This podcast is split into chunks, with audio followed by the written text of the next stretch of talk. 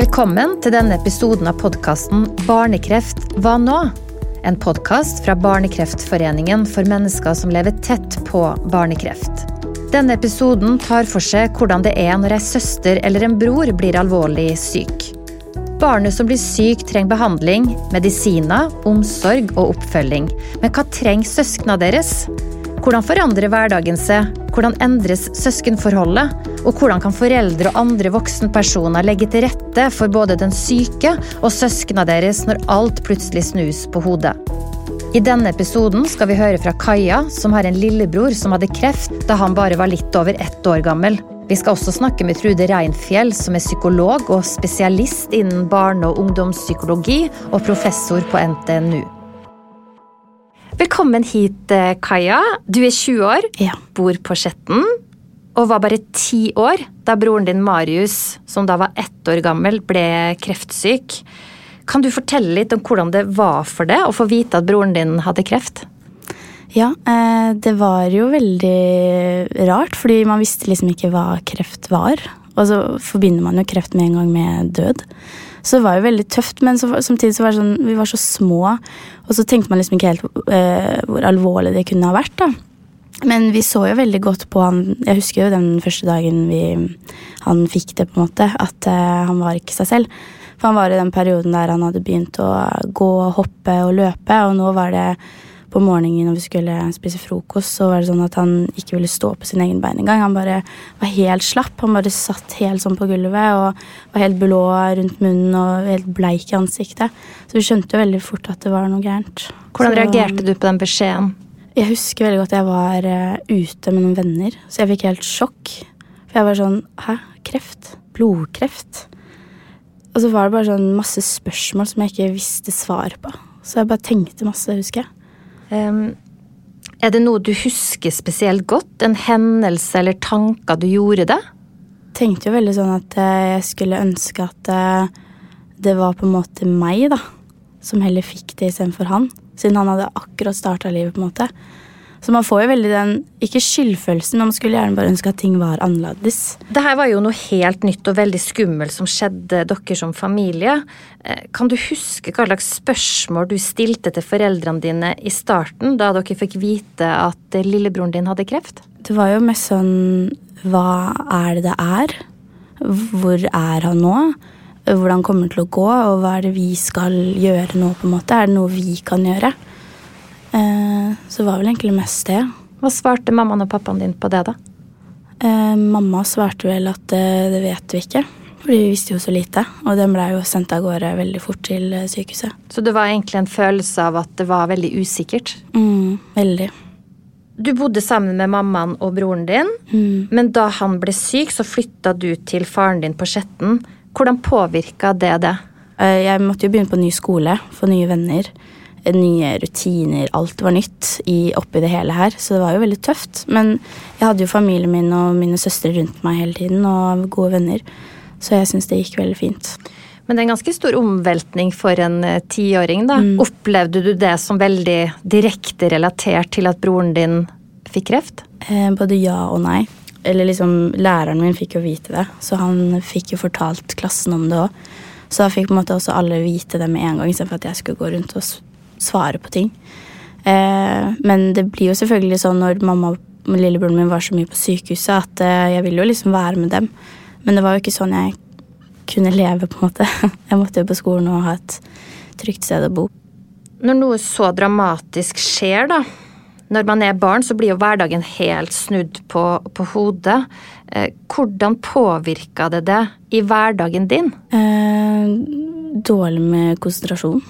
Og barn er jo veldig direkte selv, så når de spurte om ting eller sa å, jeg føler med deg, jeg skjønner hvordan du har det, så ble jeg veldig sur og lei meg.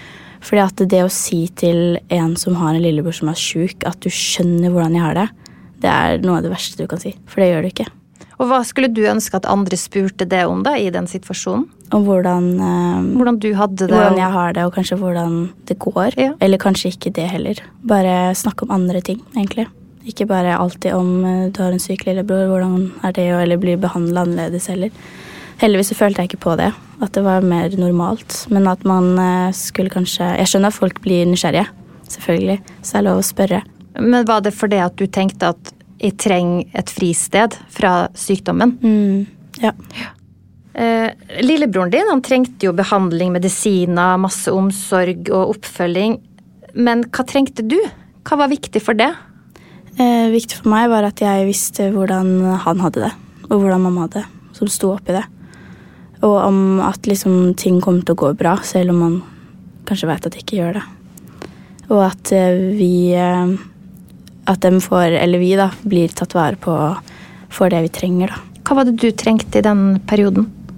Å være med familien og se lillebror. Vi var jo mye på sykehus og fikk sett han. Sånn at du fikk et forhold til Mm. han på sykehuset, ikke bare et Ja. bilde i hodet av det? Ja, og det syns jeg er veldig viktig at søsken får lov til å være med på. For eh, når du sitter hjemme på rommet ditt og bare tenker og tenker, så kan tankene dine selv være mye mer eh, verre enn det kanskje virkeligheten er, da. Så det å kunne være med på sykehuset og forskjellige eh, treff da, med andre som er i samme situasjon, er superviktig. Hvordan la foreldrene dine til rette for at du skulle føle deg inkludert i, i alt som skjedde med Marius? Eh, det var jo det å ta oss med på ting eh, og snakke med oss. Vi har jo vært veldig åpne hele veien, så vi har jo snakket om masse ting. Så det har også på en måte hjulpet oss å bearbeide ting, da. Er det noen spesielle situasjoner du kan huske eh, som gjorde situasjonen lettere for deg? Når ting var vanskelig? Mm, gråte. Skrive ned tanker. Eller gå en tur, og så snakker du høyt til et tre eller noe sånt. Bare få det ut. Hvis man ikke har lyst til å si det til eh, sine søstre eller brødre. For jeg husker veldig selv at jeg ville være den sterke, og det har jeg på en måte alltid vært i eh, familien. Men selv om du føler du er sterk, så er det faktisk lov å gråte. Det vil ikke si at du er svak. Hadde du en fast runde du gikk? Ja, det hadde jeg. Hvordan så det ut der?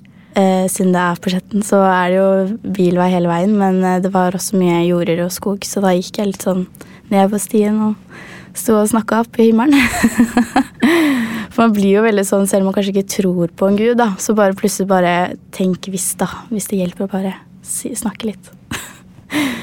så da følte vi at det, det funka veldig fint, da, siden han klarte seg. Bra. Når du går den runden nå, Mm. hvordan reflekterer du over det sjøl for ti år siden? det er veldig rart. Uh, fordi jeg husker jeg gikk den runden også når vi mista en uh, annen uh, Når vi mista en i Barnekreftforeningen. Som en god venn. Så det stedet klarer jeg liksom ikke helt å gå til ennå. Og det er um, fire år siden. Så det er jo noen ting som sitter veldig. Men eh, den det er vel for- fortsatt veldig fint, for hver gang jeg går forbi, så tenker jeg alltid på det jeg har sagt og ja, tenkt. Det var en lur ting å gjøre. Mm. Hva slags rolle eh, hadde lærerne for det i den nye hverdagen der lillebror eh, fikk kreft? Han var eh, veldig, veldig støttende. En veldig god lærer. Eh, og var, eh, hadde alltid tid til meg hvis jeg trengte å snakke om ting. Men jeg var veldig dårlig til det. Men jeg hadde tilbudet, da. Så han var en uh, veldig, veldig god lærer. Han så det, rett og slett. Mm, veldig. Og han så også alle sammen. Så det var veldig godt å på en måte føle at du blir ikke sett bare fordi du har en syk bror, Mm. men at du er en elev hos han, da, sammen med de andre. Du var jo en imponerende klok eh, tiåring, det hører vi jo allerede nå. Men, eh, for du bestemte deg for å lage noe som også gjorde at venner og bekjente kunne være oppdatert på situasjonen til eh, lillebroren din. Og som garantert også var til hjelp for foreldrene dine. Hva var det du gjorde? Jeg lagde en Instagram-konto. Yay! Så, eh, men det er veldig synd at jeg husker ikke passordet på den nå, så jeg kommer meg ikke inn. Å nei. Og den er privat. Eh, men der sto det jo i bioen at eh, 'tusen takk for alle som støtter meg'. La oss som det var han som sa det. Og vi har jo alltid vært close, og det var jo masse snakkevideoer der vi tulla og koste. og så Men Var det både fra hjem og sykehus og overalt? Det var liksom? mest hjemme. Men jeg hadde bilder fra sykehuset som mamma hadde tatt, som jeg kunne legge ut. Fikk du noe tilbakemelding fra de som fulgte den sida? Ja, det var jo veldig mange av vennene mine som sa det, og som skrev masse sånn 'så søt han er', og 'så godt å høre at han ler'. og Det var veldig god støtte i det. Og så jeg det var veldig fint å gjøre, ha den Instagram-kontoen nå, fordi da kan liksom de som vil følge med på min reise holdt jeg på å si, med lillebror, da, kunne følge der og få litt oppdateringer. og Det Det høres ut som du må grave litt Ja. dypere for å finne det passordet. Ja, jeg må sende mail til Instagram eller noe. Ja, du må bare åpne opp igjen og se hva som ligger der. Men kan du huske noen av de postene som du syntes var vanskelig å legge ut? Nei, det kan jeg ikke huske. For det var det du gjorde der, det, det kjentes liksom bare fint og, Mm. Ja, og rett. Fint og riktig, og jeg hadde lyst til å legge ut. Jeg hadde lyst til å vise. Hvorfor tror du det egentlig? Hvorfor tror du at du hadde behov for å vise? Uh, siden det er liksom Man hører ikke så veldig mye om det. I hvert fall ikke da. Da visste jeg jo ikke hva noe av det fantes, på en måte. Så jeg tror jeg bare tenkte at det var liksom fint å vise at uh, dette skjer med barn. dette skjedde med min lillebror. Her har dere historien. Så fint. Eh, Dere benytta dere jo aktivt av tilbuda som Barnekreftforeningen har. Eh, fortell hva du deltok på, og, og hvorfor det betydde så mye for deg. Nei, først eh, så starta vi med at vi blei medlem i Barnekreftforeningen. Og da blei vi eh, medlemmer som familie. Og da var det jo masse måter man kunne være på. Altså vi har vært i Disneyland Paris, vi har vært i Legoland. Eh, vi har eh, vært på ferie med mening. Der familie familier får en ukes opphold med trygge omgivelser for syke barnet sitt, da, som har så dårlig immunforsvar. Eh, og så har jeg jo tatt likepersonskurs for at jeg kan snakke med andre som har vært i min situasjon. Fortell litt om det. Eh, siden jeg er søster til en som har vært syk, så kan jeg snakke med en annen søsken som har en søsken som er syk. eh, og komme med råd eller bare snakke. Og så det som er så fint med det, er at du trenger ikke alltid på en måte si noe. Det er bare det at hvis de har lyst til å lufte tankene sine til deg, så kan de bare gjøre det. Eh, og det gir meg veldig mye å vite at jeg kan hjelpe noen med det. Siden nå har jeg bearbeidet min historie såpass at jeg, jeg er ikke den som kommer til å sitte og gråte på telefonen. Jeg skal heller ta imot den som gråter. Um, og så når jeg er på turer, da, at man kan liksom snakke med hverandre og vet liksom hva man skal si, og så er det veldig ofte man bare ikke trenger å si noe. Man bare skjønner hvordan du har det, og det er veldig, veldig godt. For et fantastisk fint tilbud. Men har du Ja. da eh, fått utlevert noen som kan ringe til det, eller kan hvem som helst da ringe til det? Nei, det er jo det at eh, man må jo kontakte eh, Det er vel Man må kontakte noen i styret i Bankeforeningen, og så kan de gi nummer, eh, da. Men jeg har ikke blitt eh, ringt av noen på min, eh, i min situasjon ennå. Men når vi er på turer, så snakker vi med andre som har sånn. Så jeg har jo vært med på sorgsamlinger og forskjellige ting. Er det andre ting, andre tilbud gjennom Barnekreftforeningen som har vært viktig for deg? Det er jo fordi når vi var når vi bodde, eller vi er vi tilhørte da Gran, eh, og da var vi også med de som var høyere opp igjen. Så da, det at vi på en måte var helger der vi var på en måte hos f.eks. for eksempel på um, Gjøvik hotell, eller vi har vært på forskjellige hoteller da, der vi møtes og gjør forskjellige aktiviteter. Så var det en fast periode vi hadde sånn førjulstreff. Der alle traff, eh, møttes før jul, og så lagde vi julepynt, snakka litt og spiste middag. Og, Var det for søsken av kreftsyke? ja, og de barna som hadde vært syke selv. Så blei det familie nummer to. Det blei det. Så nydelig. Mm. Så fint at det kan fungere på den måten. Ja. At man kan rett og slett utvide livet sitt Ja. For at det blir eh, trangere. Hvordan går det med broren din i dag, Marius, som den gang var ett år, nå er han ti? Ja. Nei, det går bra. Selvfølgelig litt utfordringer, men alle har jo det. Um, så eh, han er jo veldig opptatt av eh, wrestling. Å ja! Ja. Så han, Og se eh, wrestling på TV og sånn? Ja, og spille. Han har fått spille av det nå. Og Ja. masse figurer og eget leksett med den eh, bingen de er i. Så han har jo veldig lyst til å begynne på det. Er det noe du kunne ha blitt med han på, eller? Ja, faktisk. det ser veldig gøy, og så ser man hvor, hvor eh, det, mye det betyr for han, da. Så selvfølgelig hadde jeg vært med på det. Har han en favoritt-wrestler? Ja, men eh, det husker jeg ikke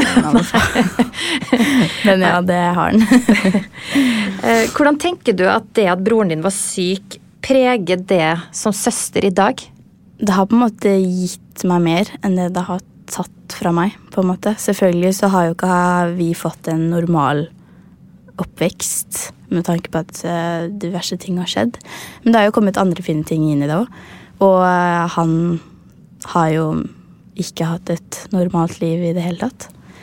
Så det gjør jo vondt selvfølgelig å tenke på det, at eh, han har jo gått glipp av de fineste årene man kan gjøre når man er barn, på en måte. Og nå blir jo Tinn bare Nå er hun snart tenåring òg. Så um, man blir jo litt sånn, som jeg nevnte i stad, man skulle ønske at det var motsatt, da. Mm. Eller at det aldri hadde skjedd. Og så noen ganger så har jeg tenkt sånn Tenk hvis han aldri blei lagd, da. Mm. Hvordan hadde livet vært da? Men når du sier at du sitter igjen med mer enn det du har tapt, Mm. hva er det du føler at du sitter igjen med på den gode sida? Eh, masse erfaringer og forståelser og et helt annet syn på livet og andre mennesker. Eh, man lærer seg veldig godt hvordan man liksom skal ikke dømme folk når du ser dem, for du vet aldri hva de går gjennom. Nei. Eller hvordan de har hatt det. Eller kanskje de er syke selv, f.eks. Mm. Eh, så jeg føler på en måte jeg bare har blitt en mye bedre person ut av det. For at man velger, noen velger jo det å leve med det, eller leve av det. Jeg velger å leve med det, for det er noe som har skjedd meg. Men jeg lar ikke det gå utover meg selv eller de rundt meg. Så jeg valgte den, eller jeg og familien min valgte samme vei. Og det var å gjøre noe ut av det på en god måte. Det høres ut som det har kommet masse, masse raushet. Ja, og det er jeg veldig glad for at det har gått den veien. Fordi vi kunne ha sittet igjen og vært deprimerte alle sammen og ikke klart å komme på jobb eller gått på skole eller Så man har jo selvfølgelig sine egne utfordringer, men man har jo også et valg å velge mellom hvordan du vil gjøre med det. Har du noen tips til søsken og familier i samme situasjon, Kaja? Vær mye sammen, og vær, ta, husk også å ta pause fra hverandre, for det kan bli veldig mye hvis man er mye sammen. Eh, husk å liksom lytte til hverandre, eller bare se hverandre. Eh, ingenting er dumt å spørre om. Lurer du på noe, så spør du. Fordi at det, det svaret du får, er kanskje bedre enn det du kanskje tenkte selv. Eh, og hold sammen og ta vare på hverandre, egentlig.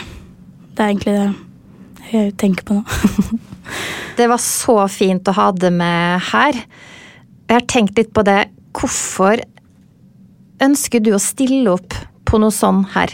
Eh, Det er for å dele historien min, så det kan nå ut til flest eh, mulig. Og det er jo ikke så veldig lenge siden jeg ble intervjua av NRK Innlandet. Eh, Der fikk, kom jeg på nyhetskanalen. Eh, Det ble eh, lagt ut innlegg og eh, opptak. Og det syns jeg var så gøy å være med på, fordi at det, det, gir, meg, det gir meg så mye å bare vite at jeg blir valgt til å liksom kunne dele min historie.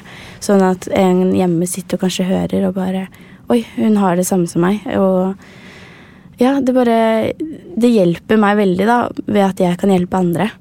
Og det gjør du virkelig. Tusen hjertelig takk for at du var med i denne episoden. Tusen takk. Kajas historie er ikke ulik andres opplevelse. Trude Reinfjell, psykolog og spesialist innen barne- og ungdomspsykologi og professor på NTNU, har i årevis jobba med søsken av kreftsyke barn og hvordan livet blir påvirka med kreft i familien. Hun har følgende å si om det her. Velkommen til oss, Trude Reinfjell. Takk skal du ha. Hvordan er det for barn å ha et søsken som er alvorlig syk? Når et barn eh, får kreft, så innebærer jo det en veldig stor forandring i livssituasjonen. Og som merkes godt i hverdagen. Og mm, når et barn får kreft, så rammes jo hele familien. Og det blir en, ofte en veldig tøff situasjon for, for søsken. Så mm, hvordan søsken eh, greier å tilpasse seg og mestre alle forandringene i den nye livssituasjonen, det er avhengig av flere faktorer. Ja. Alder, barnets erfaring, modenhet, eh, familieforhold og muligheten til å få hjelp og støtte til å takle de her forandringene. Er det noe spesielt kritisk alder for søsken? Små barn de er jo ofte sårbare, da, fordi at de, eh, de har jo på en måte mindre eh, språk, kanskje, for å sette ord på ting. Og um, de er veldig avhengig av at omgivelsene hjelper dem da, regulerer regulere følelser. Og, og det å få satt ting i sammenheng, forstå hvorfor at det har blitt sånn. Um, og jeg husker spesielt en, en treåring som eh, Og der ser man hvordan erfaring, modenhet eh, også spiller inn, da. For den tre år gamle jenta sto i korridoren, og så spurte hun plutselig eh, om Får broren min de samme medisinene som bestefar fikk? Og da viste det seg at uh, den jenta hadde jo en bestefar som uh, dessverre hadde dødd av sin kreftsykdom. Det viser jo at den, det barnet har jo fått mye erfaring allerede.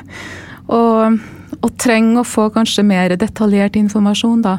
Men også møte jenta på hennes tanker og følelser knytta til det med bestefaren også. Mm. Jeg tenker at vi skal være oppmerksom både på de små barna, men også de større barna som uh, har kommet i tenårings-, uh, ungdomsfasen, da. Og det er jo i utgangspunktet en sårbar fase i seg sjøl, det å være i, i pubertet. Med veldig store forandringer og og det er veldig mye du skal uh, ta stilling til. Du skal liksom bli kjent med deg sjøl litt på nytt også, da, med de forandringene den fasen medfører. Men uh, får du i tillegg da uh, kreft i familien, da blir det på en måte en dobbel krise du skal eh, takle. Og pluss at eh, større barn, eh, spesielt i ungdomsfasen, så er det jo veldig vanlig at de sammenligner seg eh, lett med andre barn også. Så det kan ofte være sånn at de, de kanskje ikke vil føle seg så normal lenger da. Um, og de, de, har noe spesielt i sin familie som de skal forholde seg til, og som, uh, som krever veldig mye av dem. Ja. Og ofte kan jo søsken også få mye ansvar når de er hjemme, da. Rollene i familien kan lett bli litt snudd, da. Ja. Har man blitt mer bevisst på det med søsken med åra? Ja, absolutt når jeg starta jobben på barnekreftavdelinga på 90-tallet, så, så, begynte vi å ha mer fokus på søsken. Og når vi stoppa opp og, og, så dem, deres situasjon, så så vi også at det var mange søsken som strevde veldig mye da. Men jeg har inntrykk av at det har blitt uh, mer fokus da, siden da. Men fremdeles så, så tror jeg nok at de er en forsømt gruppe. Og Norge er jo et langstrakt land med store geografiske avstander. sånn at Ofte er det vel sånn at de søsknene eller familiene som bor nærme sykehuset, der får søsken kanskje mulighet til å komme inn litt oftere til sykehuset og se um, den verden som er der, da. Uh, mens uh, bor du langt unna, f.eks. hvis du bor på Møre, da, og barnet som har fått kreft behandles ved St. Olavs hospital, så er det jo langt å dra. Og det er ikke nødvendigvis sånn at uh, søsken kommer inn så mye. Og da er det jo en fare for at søsken kan bli uh, gående veldig alene med sine tanker og bekymringer. Uh, og spesielt hvis de ikke får nok informasjon da, om det som har skjedd med den, broren eller søstera. Mm. Hvorfor kalles søsken av kreftsyke barn for skyggebarna, Trude? Det tror jeg Eh, handler om at uh, søsken ofte blir satt uh, utenfor. Og som jeg nevnte tidligere, så er jo ikke dem på sykehuset hele tida. Og de vil jo naturlig Og familien er ikke samla hjem heller. Foreldre må være mye på sykehuset og sånn. Sånn at de får jo naturlig mindre oppmerksomhet da. I perioder. Og spesielt hvis man ikke har noen Eh, hjem i deres nærmiljø som, eh, som, eh, gir dem litt ekstra oppmerksomhet. Som har litt fokus på dem, da. Men hva, hva, hva mener du søsken trenger, da? Søsken som, som, er langt unna når broren eller søstera er på sykehus i Trondheim f.eks.? De trenger voksne som, som ser dem, vil jeg si da det blir jo veldig viktig siden at de vil oppleve lengre atskillelser fra broren eller søstera som er syk. da. Og de kan lett føle bekymring og engstelse rundt sykdommen. Og de vet ikke alltid så mye om eh, sykdomssituasjonen og eventuelt forandringer som skjer hvis prognosen f.eks. endrer seg og sånn.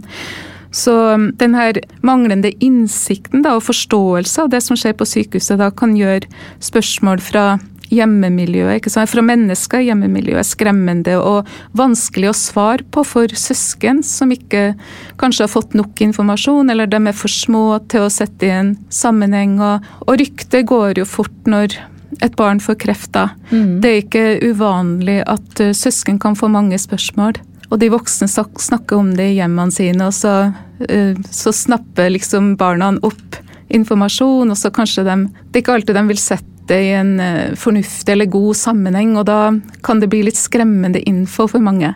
Kanskje noen kommer til eh, det søskenet og sier Kommer søstera di til å dø? Ikke sant? Og det kan bli veldig overveldende òg, da. I en allerede overveldende situasjon. Ja. Hvordan skal støtteapparatet rundt familien reagere for å støtte søsken best mulig, Trude? Ja, jeg tenker at den åpenheten er utrolig viktig. Prøv å snakke om det som skjer. Og la søsknene bli med på sykehuset og på behandlingen også. Det er mye de kan være med og, og observere da. Og da kan man snakke om det og referere til det i ettertid også. Så det er veldig fint. Ellers er det jo også fint om man tar litt bilder fra sykehuset og forskjellige situasjoner der, så man kan også bruk som et utgangspunkt for en, en samtale eh, etterpå, da. Eller når foreldre er hjemme med barnet, da. Og, og, det er viktig å huske at barn de eh, lurer ofte på andre ting enn voksne, så sett av tid til spørsmål. Og det som er viktig å få fram da, er jo at min erfaring i hvert fall som psykolog er at de fleste barna de får de her tankene og følelsene og spørsmålene ofte på kvelden når de skal legge seg. For barna er jo veldig heldige som har de har jo en stor ressurs da, som vi voksne ikke har på samme måte, og det er jo det at de har leken og aktiviteter som gjør at de kan koble av eh, litt også. Men så når de legger seg på kvelden, da har de tid og ro til å tenke, og, og da er det ofte de her tankene kommer. Og da er det veldig viktig egentlig for foreldre å være litt oppmerksom på det, sånn at de kanskje kan sette av litt tid når barnet skal legge seg. Og så de får tatt en liten prat på eh, sengekanten. Det tror jeg kan være veldig, eh, veldig lurt, da. Og så er det jo det med informasjon, da. Åpenhet er jo nevnt, men i det her så ligger det jo at det er viktig at barnet får relevant informasjon, for barn får med seg veldig mye. Og men hvor åpen skal man være? Hvor mye skal man fortelle? Man må alltid vurdere det sånn litt ut fra sånn som man kjenner barnet sitt da som foreldre. Jeg husker det var en mor som sa en gang at hun hadde tre barn, og hun var nødt til å informere alle de barna på tre forskjellige måter. Så det er jo egentlig et godt eksempel på at barn kan være veldig forskjellige. Men ehm, det er jo veldig viktig at man eh, tilpasser det barnets alder da. Sånn som små barn har jo mer begrensa sånn Vi sier sånn på uh, fagspråket kognitiv kapasitet til å ta ting innover seg. Så vi kan ikke pøse på med informasjon. Det blir altfor overveldende og, og, og, for mye for dem. Så de må få det veldig litt i små porsjoner. Man må dele det opp litt, eh, faktisk. Så må man vurdere litt eh, hva som er lurt å komme med i starten. Og man må jo få informasjon om, om sykdommen, da. Om det med kreft, f.eks. Og, mm, og så der vil jeg jo anbefale foreldre å bruke, som sikkert mange foreldre har erfaring med, kjememannen kjemomannen Kasper. Den er veldig fin, da.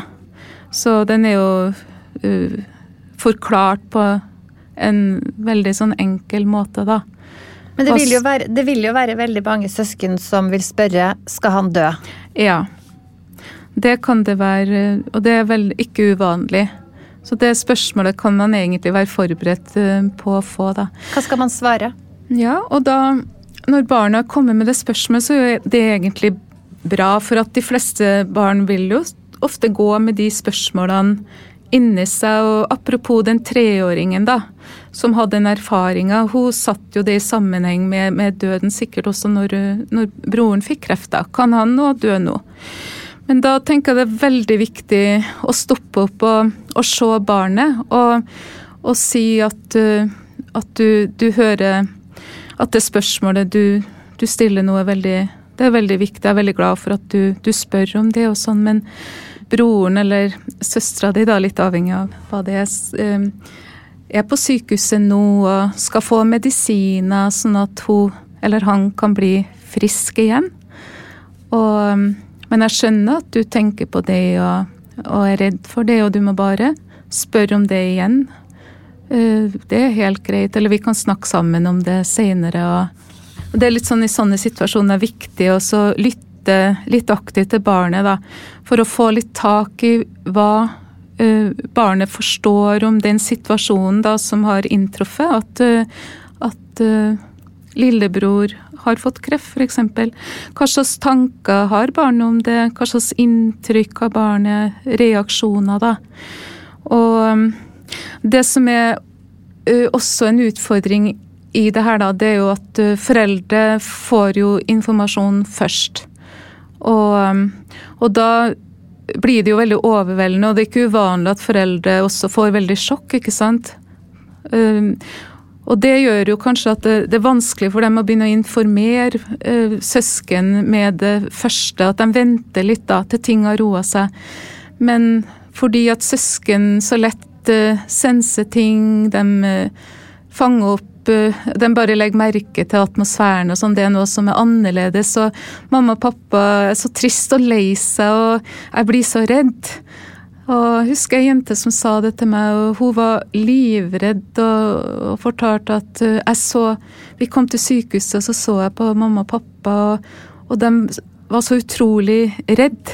Og, og gråt, og, og jeg ble så forferdelig redd, ikke sant, sjøl da. Så, og da tenkte jeg med meg sjøl, jeg håper virkelig ikke det tar så lang tid før eh, de informerer barna. Så så jeg tenker den første informasjonen i forhold til at det er en kreftsykdom, det bør man snakke med barna så tidlig som mulig om. Men man må jo finne det rette tidspunktet og, og, og kanskje det er greit og bra egentlig at foreldre også viser egne følelser og sånn. Det tenker man lett kan åpne opp eh, for at barn også kan lettere vise følelser. Men så må man jo vurdere litt eh, hvor mye For det er ikke noe, det er ikke noe særlig hvis foreldre bryter sammen i den samtalen. helt. Ja, hvorfor ikke det? Nei, jeg tenker at det kan bli litt overveldende for barna da. Litt skremmende. Oi. Er det, og før de vet hva det er, da. Og de kanskje har hørt uh, noe også, snappa opp noe om, som legen har sagt eller Og så tenker de det verste, da. De tenker da øh, kanskje mange at øh, å, broren min eller søstera mi kan dø av sykdommen sin. Og, og, og, særlig når jeg ser hvor, hvor redd mamma og pappa er. Og at mamma bryter sammen. Da må det jo være skikkelig alvorlig. Ja. Men um, det er jo veldig mye forlangt at foreldre ikke skal bryte sammen når man er så redd og man kanskje er i sjokk og, mm. og, og, sånn. Er det skadelig at man bryter sammen, eller kan det på en måte, som du sier, åpne også opp for at mm. det er greit å bryte sammen, og så uh, skal vi være glade sammen igjen, og så skal ja. vi liksom borti hele spekteret? Det er på en måte helt greit at man bryter litt sammen, uh, så lenge at man snakker om det òg. Og at man setter litt ord på det, og at, uh, at, at man forklarer da at man er lei seg og og, men det skal gå bra. og og, og, sånn, og, og fortelle så fort som mulig da, at uh, søster eller bror har fått kreft, men det finnes medisiner som uh, skal hjel hjelpe. Jeg tenker også det er fint at man som foreldre kan åpne opp og vise egne følelser. For viser jo, da viser du barna at her er det rom for å, å snakke om følelser, og, og vise det, ikke minst. da. Men det er jo noe med at som hvis en forelder bryter sammen og ikke kommer seg ut av det. Det er det jeg mener da. Da kan det bli overveldende for barnet. sånn at man, Hvis man har noen andre i familien som er med da på den samtalen f.eks., så er det jo også litt fint, da. Hva lurer søsken på? Søsken eh, lurer ofte på altså hvordan går det med broren eller søstera mi? Det er jo et, et, spørsmål, da. Og så De lurer ofte på uh, hvor lenge vil det her vare? Hvor lenge skal vi være på sykehus? Og det kan jo bli over lang tid da, i mange familier. Så, um, så der må man jo være ærlig, da. Men nå er det jo heldigvis sånn at man, mange familier kan etter hvert, litt avhengig av uh, type behandling som barnet får, så kan de også være mer hjemme etter hvert og de kan eh, få behandling ved lokalsykehuset og nærmere hjemmet sitt. Da. Så, mm, så det er jo veldig fint. Og så lurer de jo eh, Kan de jo lure på sånn Hvorfor mister søstera eller broren min håret. Ikke sant? Og så må man forklare litt uh, rundt det med, med medisiner, da. Og der kommer man Kasper-boka er veldig fin, da. Og um, ja, var, da har jeg et godt eksempel som uh, brenn, har brent seg litt fast for meg. da. Det var to barn i korridoren på sykehuset, og så sa han ene, da, gutten til jenta som satt på trehjulssykkelen, 'Hvorfor har ikke du noe hår?' Og så um, sa plutselig hun jenta, 'Nei, men det har ikke du heller hatt hvis du har fått de medisinene som jeg får'. så den der jenta har nok sikkert blitt forklart Veldig også godt. at det skyldes det pga. medisinene. Og, og, så kan man jo forklare at det, det, vil bli bedre etter hvert, og håret vil jo vokse ut. da. Men noen uh, barn uh, som har kreft, de kan jo også pga. medisiner bli litt sint og, og endre humøret sitt. Da. Det kan sikkert være mange faktorer som påvirker det, men uh, det er også kjent at medisiner kan påvirke det. da. Så, så der var det en gutt som sa det. Ja, så kan søstera mi kan bli så innmari sint innimellom, da, men det er jo av medisinene, da. Det hadde jo han hørt, da. Så, så det var en måte Da, da skjønte han eh, at det var ting som påvirka det også. Ja, så kan de jo også lure på om begge foreldrene skal være på sykehuset hele tida, f.eks. Og hvem skal passe på oss hjemme?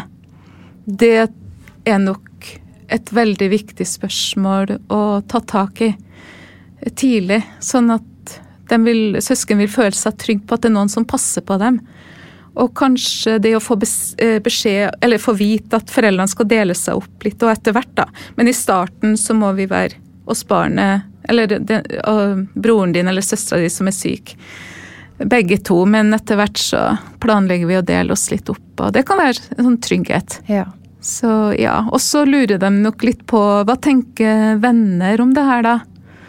Og hvordan skal vi forklare venner det om at eh, ja, hvis bror eller søster har, har, eh, fått en kreftsykdom. Og det kan være en veldig god grunn til at uh, søsken skal få info om sykdommen. Så hva er det de trenger for å kunne si noe om, om sykdommen? Og forklare litt, men samtidig så skal ikke søsken føle at de må ta så stort ansvar for å informere, for det blir jo ikke rett. Men hva trenger de å vite for å kunne si litt? Og um, hva er nok for dem å si? De kan jo også ha en sånn uh, frase som de blir litt enige med foreldrene om. Hva kan det være, si. eksempel? Um, ja, det kan jo være hvis de spør um, Ja, søstera di er mye på sykehus, eksempel, og, og da kan man jo si da, at, uh, at, hun er syk. Der er det jo litt avhengig av hva foreldrene syns er greit, da, men det beste er jo å bruke ordet, ordet krefter, tenker jeg. Og det er veldig mye sånn erfaring som, som, tyder på at det Jeg husker vi hadde gruppe med søsken en gang, og, og hun brukte jo, hun ene søstera som var der, hun brukte jo ordet når hun snakka om broren sin, at han hadde kreft, men, men foreldrene hadde jo opplevd at de eller de sa det at de hadde aldri brukt ordet kreft. Man kan, kan kalle det hvis det er leukemi, blodsykdom, syke i blodet, eller Ja, sånn at eh, Men barn Det viser jo bare at barna de får med seg veldig mye, da. Hvordan påvirker søsken i ettertid når bror eller søster er ferdig med behandlinga? Du skal tilbake til den såkalte normale hverdagen igjen, da. Og jeg vet jo at en del foreldre kan streve en del med å endre på ting etter at eh, barnet har blitt frisk av sin eh, sykdom. Og det kan jo være rutiner, at kanskje barnet er vant til å få en bestemt type mat f.eks. Eller barnet har fått lov til å sove med foreldrene hele tida.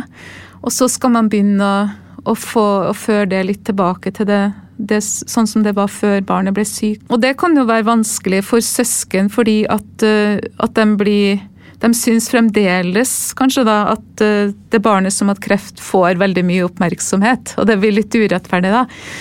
Så det er jo én ting. Men uh, en annen ting er jo det at foreldre kan være litt sånn De kan bli engstelige videre. Og det er jo ikke så rart. Og de kan bli engstelige for søsken også. Sånn at den kan bli litt overbeskyttende. Og det kan òg være litt vanskelig sikkert når, eh, når uh, søsken blir litt eldre og, sånn, og, og, gjerne vil leve sitt eget liv. Da så blir de kanskje passa på litt. Du, Helt til slutt, Trude. Hva er rådet til de som hører denne episoden, som har flere barn enn det som er blitt kreftsykt? Jeg tenker at det viktigste rådet jeg kan gi, er å prøve å få til en så god åpenhet som mulig, da.